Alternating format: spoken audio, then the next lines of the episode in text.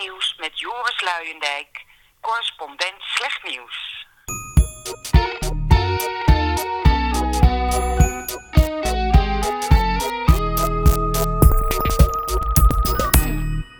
Gast met ons vandaag is Mark Chavan, die ik Nestor mag noemen van uh, de Nederlandse journalistiek. Eminence grise, behalve dat hij nog niet grijs is.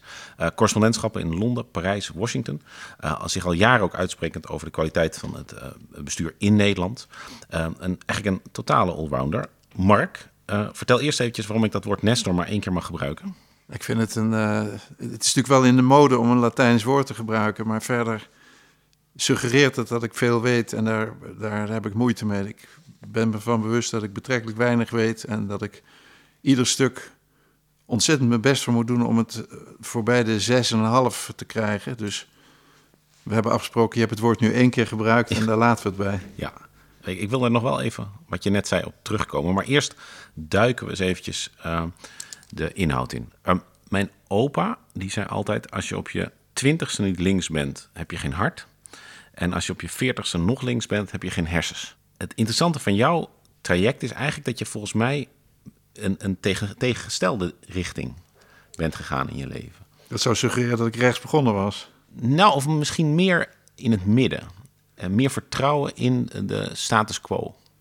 Ik denk dat het niet zo is dat ik vertrouwen had in de status quo, maar dat ik. Je moet niet vergeten dat ik zeg maar de journalistiek heb geleerd op Columbia University Journalism School, waar we heel erg. Welk jaar was dit voor de jongere lezers?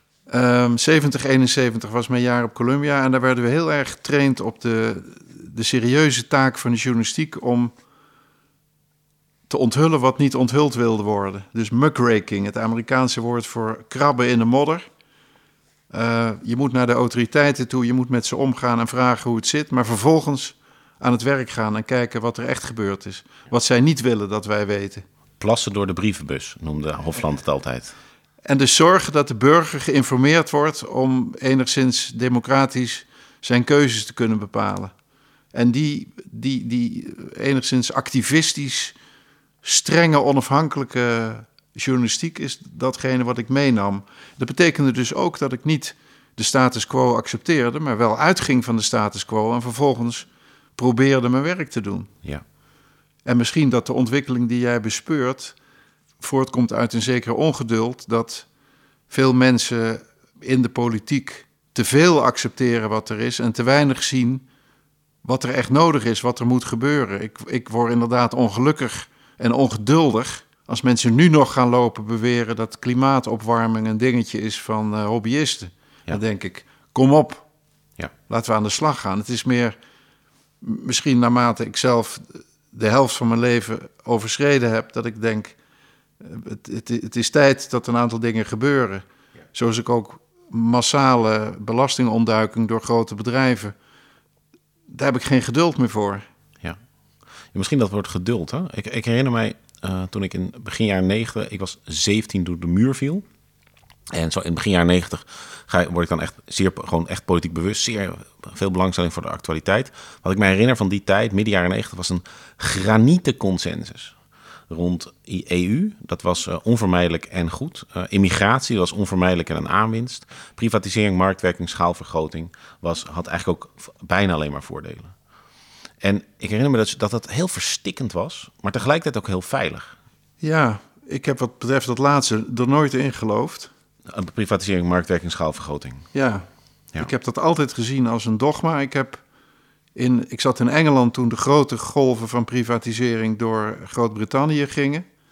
Ik hoorde het stampen en het ontkurken van de champagneflessen in het appartement boven ons in Belsize Park toen de grote privatisering van British Telecom erdoor was en de mensen in één dag, als ze goed hadden ingekocht, een stuk rijker waren. En ik zag die verdwazing, het privatiseren van de waterleiding in Engeland, leiden tot immense lekkages, prijsverhogingen en slechter water. En ik maakte het aan den lijve mee en zag onmiddellijk: dit is een verdwazing. Hier wordt niet meer nagedacht per onderwerp.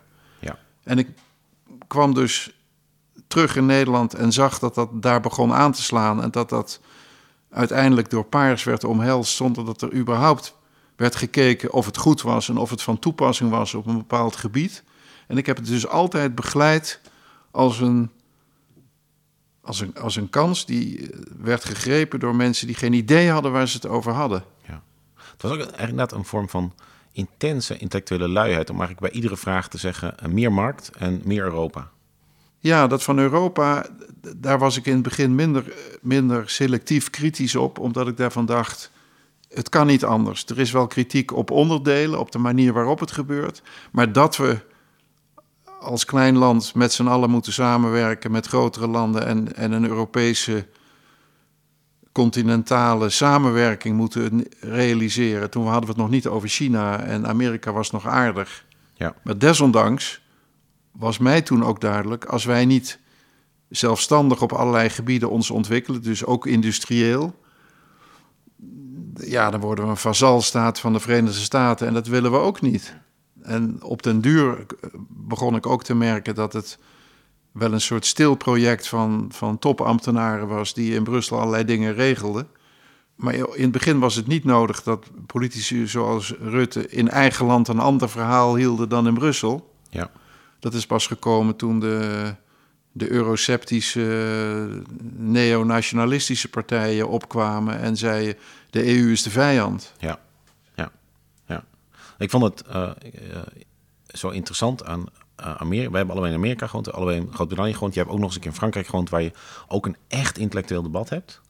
Is hoe, hoe heerlijk het is als je houdt van nadenken, als er ook gebotst mag worden. En echt ook uh, fundamenteel van mening mag worden verschild, zonder dat een van de twee groepen dan de ander moet demoniseren. Dat eigenlijk rond Brexit zijn de Britten pas gaan doen wat wij altijd doen, namelijk je bent het met mij eens of je bent dom, dan wel slecht.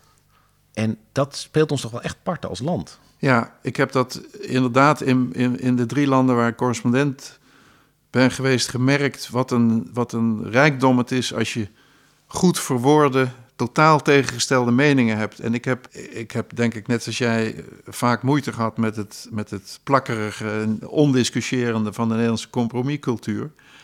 Maar, maar op het ogenblik als je ziet dat de Britten geen enkel mechanisme hebben om tot, ja, tot een vergelijk te komen. Binnen, binnen de conservatieve partij is al een, een soort haat tussen de verschillende groepen. Ja, nou, Labour net zo hard. En binnen Labour is het net zo verdeeld. Dus ja. als de twee grote dominante partijen onderling al helemaal geen manier hebben om ooit tot eenheid te komen, dan weet je ook niet hoe dat land het moet doen. Ja. En, dan, en, en dan moet je bekennen dat het in Nederland wel, wel iets uh, heeft. Ja. Dat de uh, Britten zouden dus eigenlijk wat meer van de Nederlandse compromiscultuur moeten hebben. Wij zouden wat meer van dat Britse durven botsen. Ja. Uh, als jij terugkijkt, over welk onderwerp ben jij nou het meest radicaal van mening ge gewijzigd? Ja, het klinkt vrij saai. Ik heb zelf het gevoel dat ik niet zo heel erg veranderd ben. Dat ik altijd eigenlijk vrij sceptisch ben geweest ten opzichte van de heersende klasse en de heersende denktrand. En dat ik wat dat betreft uh, gewoon doorga. En misschien dat dus het beest verschoven is en ik ben blijven staan.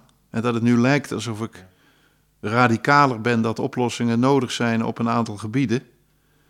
Uh, ik heb nooit het grote bedrijfsleven bewonderd of de markt de oplossing van al onze zorgen gezien.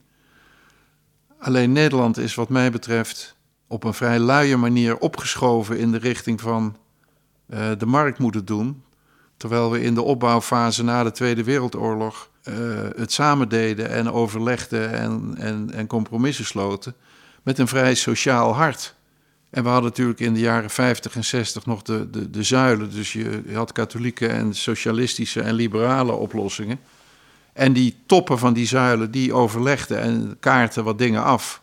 En verder kon iedereen korfballen in zijn eigen nestgeur. Er was dus ook geen noodzaak om anderen te overtuigen. Je moest hoog uit je achterban mobiliseren. En het rare is dat sindsdien, sinds de zuilen verkruimeld zijn, mensen de markt opgeschopt zijn.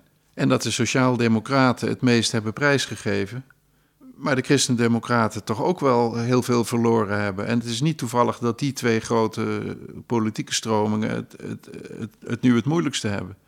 Ja. Als je intellectueel eigenlijk nooit, nooit hebt leren intellectueel debatteren en er valt een enorm gat omdat die verzuiling wegvalt.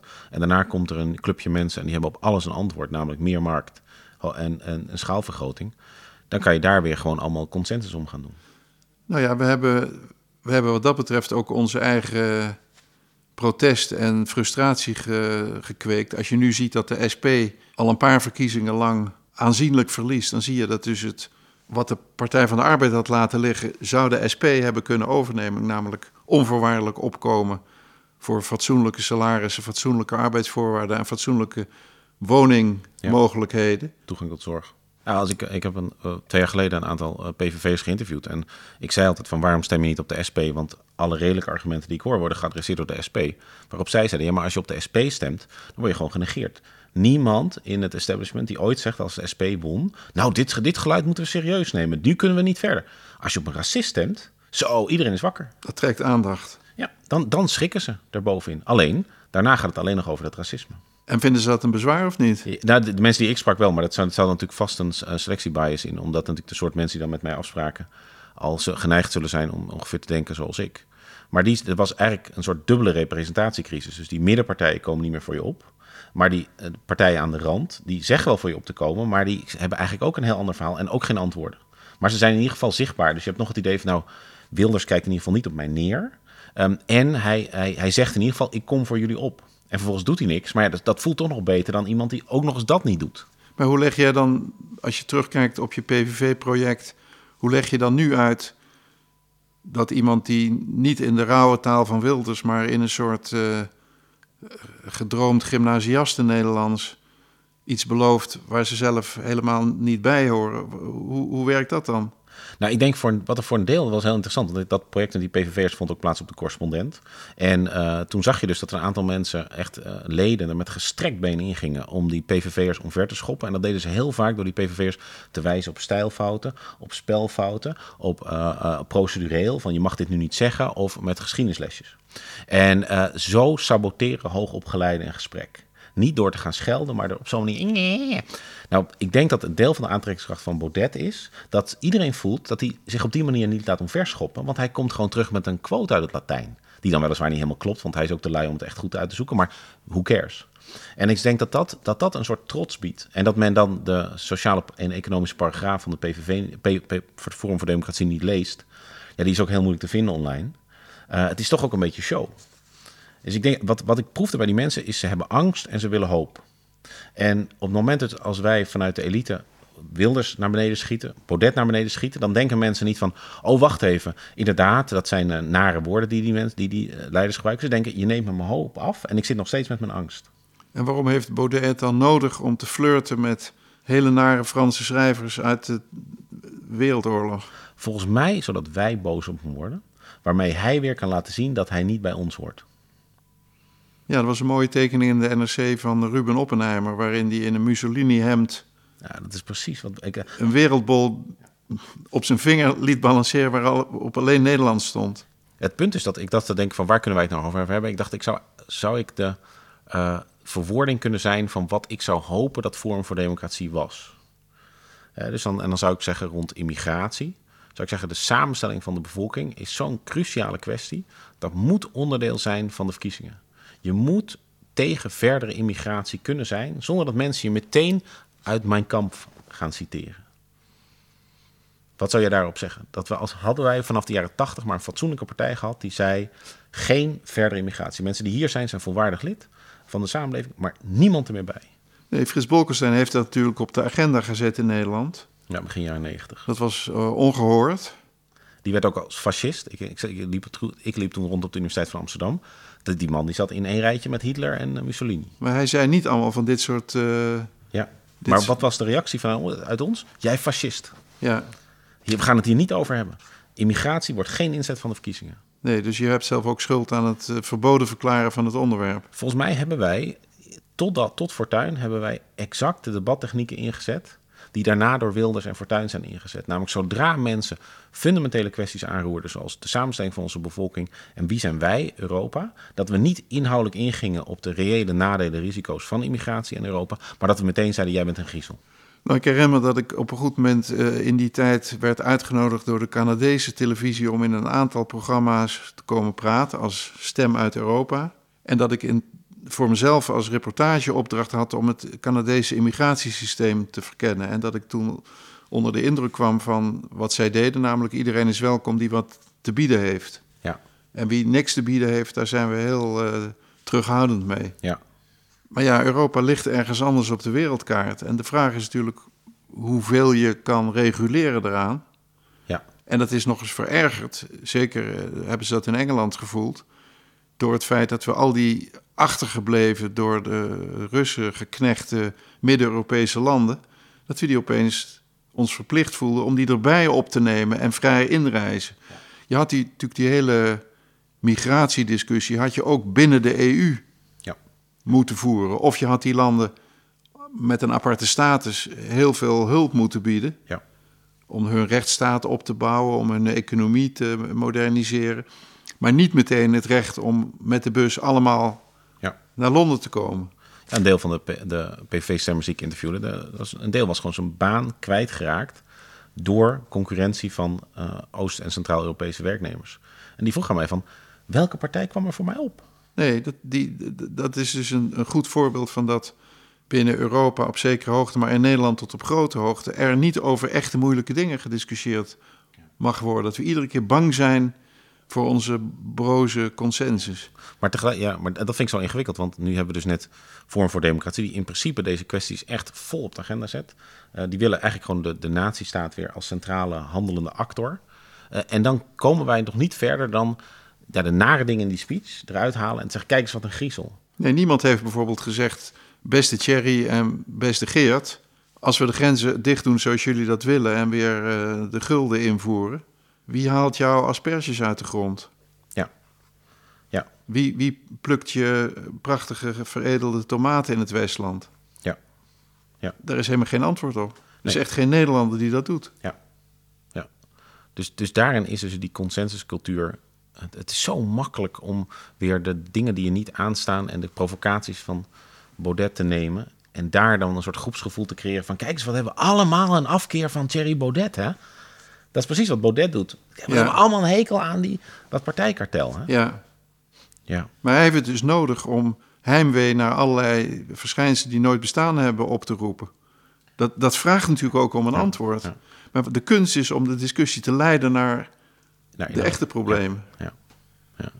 Laten we eventjes uh, inzoomen op een uh, element uh, in jouw portfolio. Je volgt een heleboel dingen. Eén daarvan is de rechtspraak. Ja. Ik ben langzamerhand erachter gekomen dat de democratische rechtsstaat iets is waar alle, van alle stro politieke stromingen uh, iets nonchalants over uitgaat. En dat de rechtspraak uh, daar echt het slachtoffer van is geworden. Ik, we hebben op de, het departement van Justitie een aantal VVD'ers gehad. Waarom ze dat zo graag weet, wilden hebben, dat weet ik wel. Want het heette toen Veiligheid en Justitie. Um, dat, dat was een poging om rechts af te dichten. Maar ze hebben justitie en de democratische rechtsstaat eigenlijk structureel verwaarloosd. En in een soort samenvloeiing met dat uh, marktidee hebben VVD'ers de rechtspraak als een soort kostenpost gezien en als een buitendienst behandeld. Ik las een krankzinnig bericht een paar weken geleden dat de Nederlandse rechtspraak zo, zoveel miljoen verlies maakt. Alsof dat een dienst is die voor zichzelf moet zorgen, alsof dat een, een soort marktpartij is. Dat is, vind ik, van de VVD ongeveer het, waar ze het meeste schuld hebben aan, aan echt verloedering. Dat ze rechtspraak behandelen als een soort... Kostcenter. Als een soort kostcenter. Ja, misschien wel de belangrijkste sector in een samenleving. Als je geen rechtvaardigheid hebt, loopt het echt allemaal in de soep. Je hebt daar ook een, een hele goede expert-lezer, meester Petra van der Veen, rechter in Alkmaar. Romane Rodriguez, de producer, is, even, is bij haar langs geweest. Ja. Wat ik las was van dat we nu de ondergrens van een goede rechtspraak hebben bereikt. Wat houdt dat precies in? Um, dat heeft alles te maken met de manier waarop uh, de rechtspraak gefinancierd wordt. Dat is uh, outputfinanciering, zoals dat heet. Dat betekent dat je op aantallen uh, uitspraken je financiering voor uh, de komende jaren krijgt, waarbij bepaalde prijskaartjes aan bepaalde eindproducten worden gehangen. Nou, wat een van de problemen is, is dat die prijskaartjes, noem ik het maar eventjes voor het gemak, uh, niet de lading dekken. Dus wat er moet gebeuren voor zo'n product, is veel meer dan waar het prijskaartje uh, geld voor geeft. En wat het grote kind van de rekening is, tot grote frustratie van iedereen, dat zijn de doorlooptijden. Want ja, daar, eh, het moet uit de lengte of uit de breedte komen. Mhm. En als je op de inhoud niks kunt toegeven en wilt toegeven, dan eh, ja, gaat het ten koste van de snelheid waarmee eh, zaken afgewikkeld kunnen worden.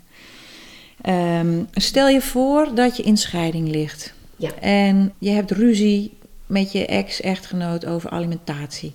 En er is een alimentatie vastgesteld, maar jouw omstandigheden zijn veranderd. En eigenlijk is die alimentatie nu te hoog, dus die moet aangepast worden. Want anders dan uh, nou, kom jij vreselijk in de schulden. Daar kun je voor naar de rechter gaan. Er zijn in de familiesecties niet genoeg mensen om alle zaken die uh, binnenkomen op een fatsoenlijke termijn op zitting kwijt te kunnen. Er zijn genoeg gerechten, daar duurt het acht maanden ongeveer, voordat zo'n zaak op zitting behandeld kan worden in die acht maanden voltrekt zich soms voor mensen een financiële ramp. En nog uh, los van alle stress die ze ervan hebben.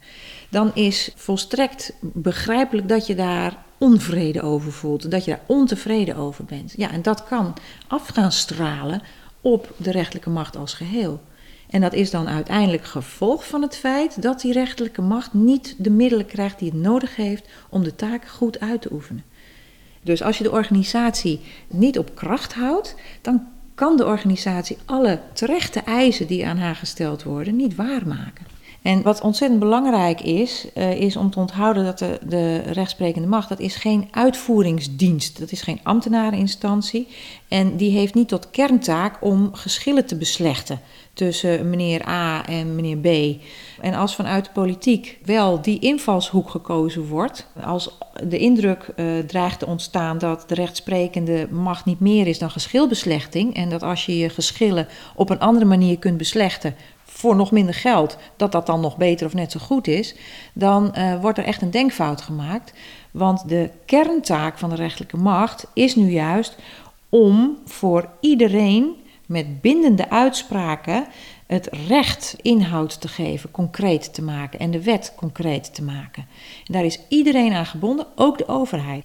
Stel je krijgt een zaak over ouders die uh, zijn blootgesteld geweest aan een onderzoek omdat er uh, het idee bestond dat er misschien sprake was van kindermishandeling is bureau jeugdzorg geweest. Nou, bureau jeugdzorg zegt er was helemaal niks aan de hand, geen kindermishandeling. Maar die ouders die vinden dat degene die die melding heeft gemaakt tegen hen een onrechtmatige daad heeft gepleegd, want die had die melding nooit mogen doen. In zo'n zaak moet de rechter allerlei dingen beoordelen. Die moet uh, met allerlei belangen rekening houden. Die moet rekening houden met in de allereerste plaats belang van het kind. Een kind moet veilig zijn en daarvoor kan het nodig zijn dat er meldingen worden gedaan. Maar ook het belang van de ouders op privacy, van het gezin. Je wilt niet zomaar blootgesteld worden aan zo'n heel ingrijpend onderzoek in je privésfeer. En het belang van de maatschappij als geheel. Want wij willen dat uh, kindermishandeling uitgebannen wordt. Uh, wij willen dat mensen daar ook melding van maken als ze daar reden toe hebben. En het belang van de melder, want die staat voor een moeilijke beslissing. En die moet niet achteraf afgerekend worden met de resultaten van een onderzoek. Terwijl vooraf het misschien toch wel terecht was dat hij die melding deed. Dus al die belangen moet een rechter afwegen in die concrete zaak. Maar in de invulling die hij dan in die zaak geeft, wordt ook duidelijk wat in het algemeen in de maatschappij op dit terrein wel en niet van elkaar verwacht mag worden.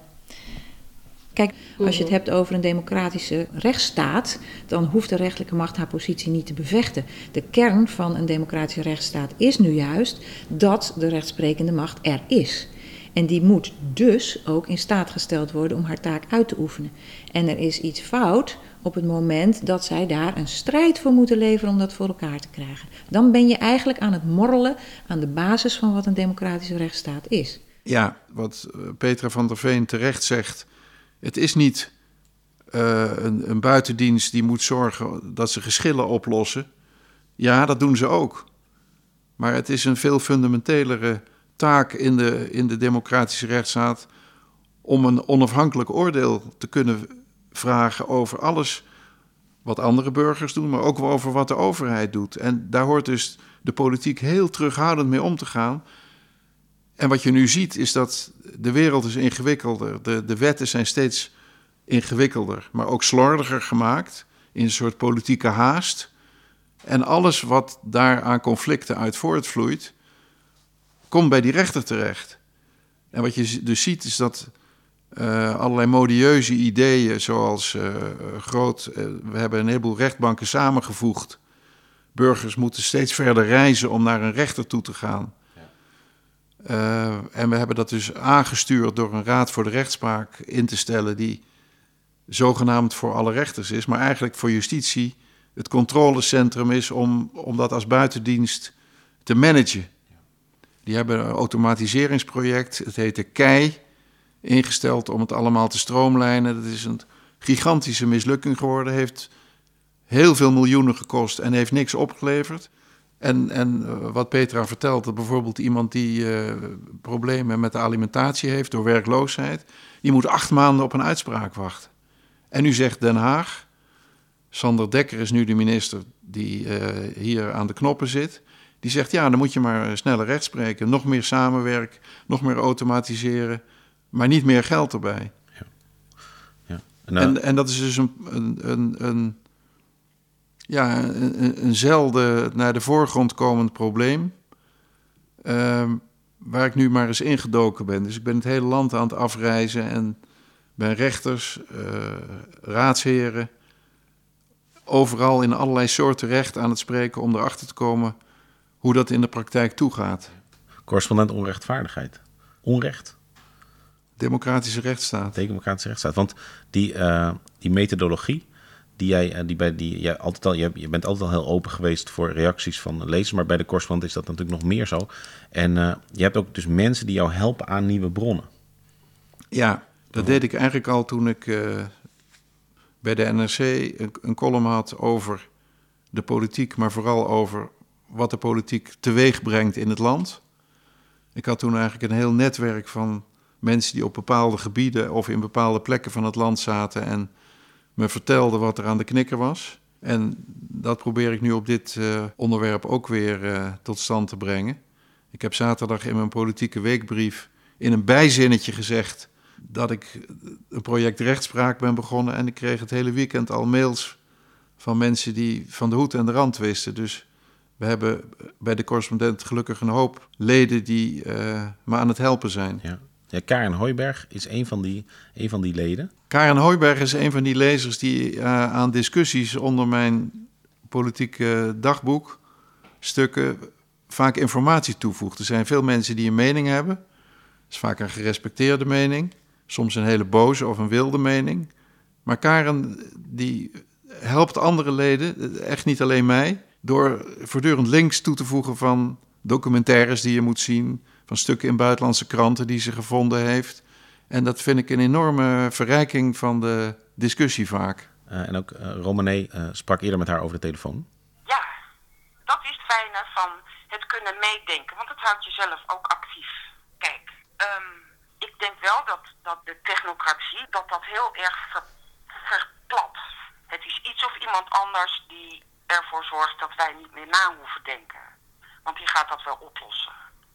Uh-huh. Dus dat dat wel ten koste gaat van um, creativiteit en nieuwsgierigheid en verbeelding. Ja, dat dat de gemakzucht aanjaagt. En nu hoef ik niet meer bij te dragen, want het wordt allemaal al gedaan. En dan denk ik, wat is er gebeurd? Um, ik wil te alle tijden mijn eigen hersens blijven gebruiken. Dus ik ga dan op zoek naar meer gematigde standpunten. Zo bouw ik dan een hoeveelheid informatie op waarvan ik zelf bij mezelf intuïtief voel, hier heb ik wat aan om een eigen mening te vormen. En dan ben ik zo eigenzinnig om te denken, oh kijk, hier staat een bijdrage en misschien heeft Mark daar wat aan. En dan, en dan sluit ik die bij. Er zijn ook wel eens leden die zeggen: ik, uh, ik begrijp nu veel beter hoe het werkt na je stuk of na je nieuwsbrief.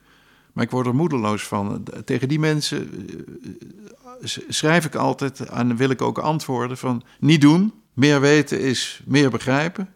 Is soms meer wanhoop, maar het hoeft niet. Want er zijn heel veel mensen zoals jij die ook het goede willen.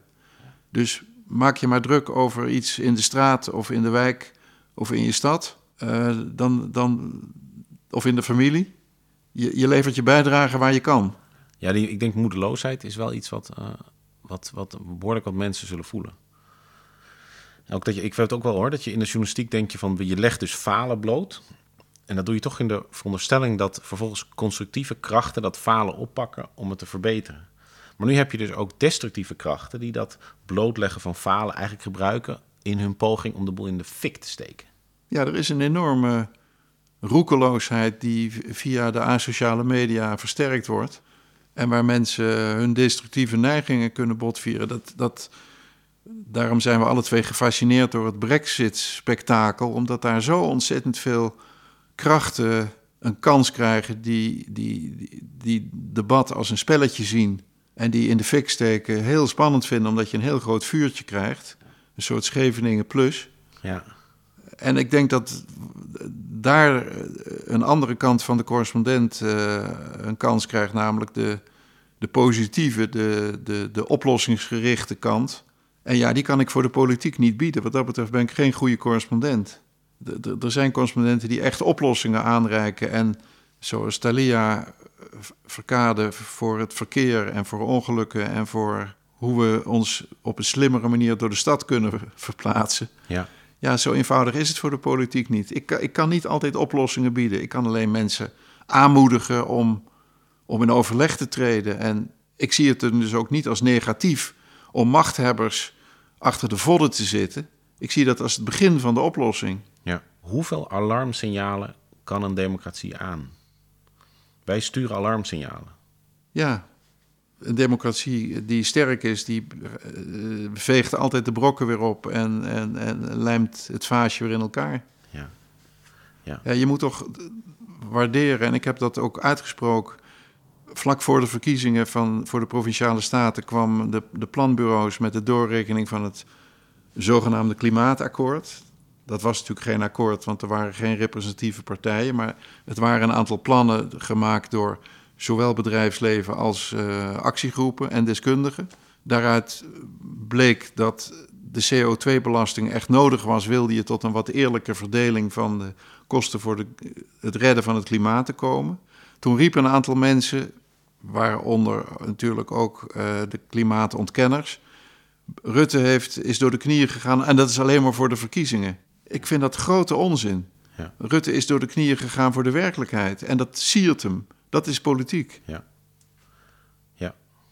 Het is ook altijd moeilijker om een politicus te prijzen dan te bekritiseren. Omdat als je hem hebt geprezen en hij doet daarna iets naars, dan zeg je... Ah, ah, ah, is dit dezelfde Mark Chavan die eerder nog zei? Ja, inderdaad. Ik heb er geen enkele moeite mee om te zeggen... Uh, D66 en de VVD en het CDA hebben eieren voor hun geld gekozen... en iets gedaan wat meer mensen een plezier doet. Om hetzelfde doel te bereiken. Dat is hartstikke goed, er wordt geluisterd. Dat is democratie. Ja. Je zei, uh, um, toen ik zei van mag ik jou in mijn inleiding Nestor noemen?